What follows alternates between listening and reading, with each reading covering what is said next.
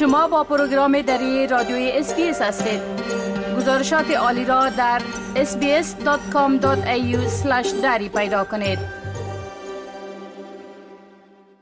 افسردگی دوران قبل از زایمان یک عارضه بسیار معمول در بین والدین است. اما اکثر اوقات سنت ها و ملاحظات فرهنگی باعث می شود که مردم این عارضه را با دیگران در میان نگذارند و آن را به تنهایی و بدون به دست آوردن کمک و حمایت تحمل می کنند. تحقیقاتی که در همین تازگی ها در ارتباط به هفته بلند بردن آگاهی پیرامون افسردگی و مشکلات روانی والدین قبل و بعد از ولادت فرزندشان انجام شده نیاز بیشتر به حمایت از صحت روانی والدین قبل از زایمان را نشان می دهد. این تحقیقات دریافته است که صرف کمتر از نیمی از والدینی که مورد پرسش قرار گرفتند گفتند که در مورد احساس افسردگی یا دپرشنشان بدون احساس شرم و با سراحت صحبت می کنند. انجمن به نام گیجت فاوندیشن استرالیا از والدین قبل و بعد از تولد نوزادشان حمایت می کند تا آنها به خدمات درمانی روانی مناسب دسترسی حاصل کنند. ارابلا گیبسن مدیر عامل این انجمن است.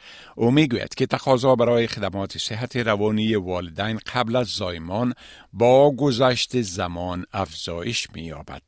Demand for perinatal mental health services is continuing to surge year on year, and the increasing need has been evident for quite some time now. Our Gidget Foundation Australia clinicians delivered 127% more clinical treatment services in 2021 than they did in 2020, which was actually already up by 69% on 2019. In fact, a survey we conducted also revealed a greater need for perinatal mental health support, with less than half of parents saying that they have open conversations about just how they are feeling. حکومت استرالیا 15.85 میلیون دلار هزینه را به منظور توسعه میزان خدمات درمان روانی برای والدین در زمان بارداری اعلان کرده است. خانم گیبسن از این تخصیصیه حکومت فدرالی استقبال کرده و می گوید که این پول با آنها کمک خواهد کرد تا خدماتشان را افزایش بدهند و با والدین بیشتر کمک کنند. To meet the increasing demand for perinatal mental health support, we are committed to increasing our service delivery both in metro and regional areas. We are thrilled to be able to welcome a landmark investment of $15.85 million to fund the opening of 12 new Gidget houses from the Australian Government. This investment is truly instrumental in enabling us to make our perinatal mental health services even more accessible. We are able to facilitate support for the growing number of those diagnosed through increased screening and provide much needed treatment and psychological counselling. خانم گبسن می گوید که بلان بردن آگاهی درباره مشکلات روانی دوران قبل از زایمان بسیار مهم است تا والدین بدانند که خدمات در مورد مراقبت از مشکلات روانیشان وجود دارند. او می‌گوید که از هر ده مرد یکیشان و از هر پنج زن یکیشان از افسردگی و مشکلات روانی دیگر مرتبط به حاملگی و پس از تولد نوزاد متاثر می شوند. Awareness for perinatal mental health support is so important so that Australian families know how much help there is available to them.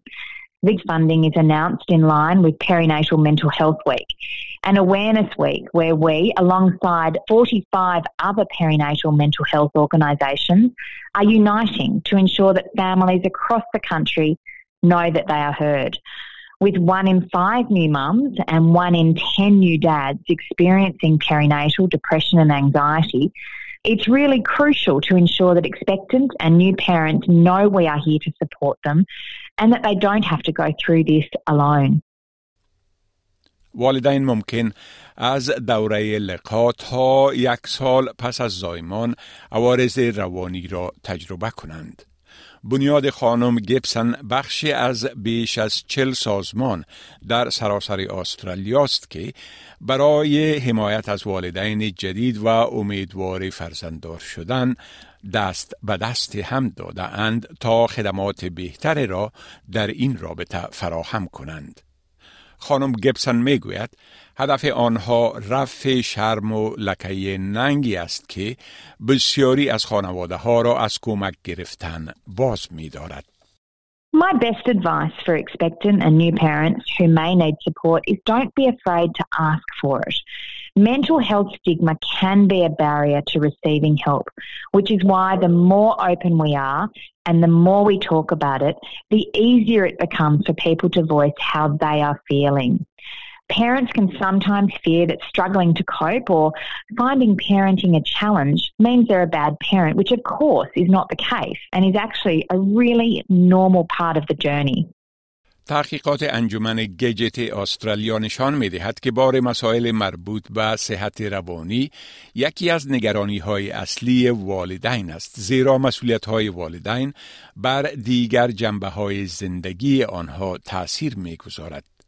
این در حال است که یک چهارم از والدین می‌گویند که هرگز برای خودشان وقت ندارند اما نزدیک به یک سوم می‌گویند که پرورش فرزندان تنها اولویت آنها می باشد.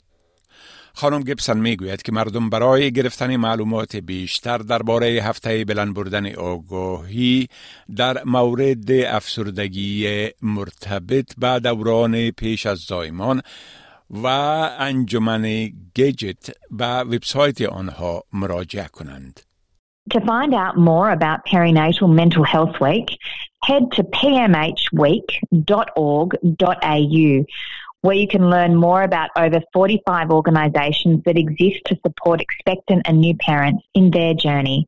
And to find out more about Gidget Foundation Australia and the services that we offer, head to gidgetfoundation.org.au.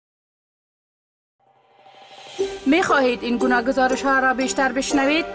با این گزارشات از طریق اپل پادکاست، گوگل پادکاست، سپاتیفای و یا هر جایی که پادکاستتان را می گیرید گوش دهید.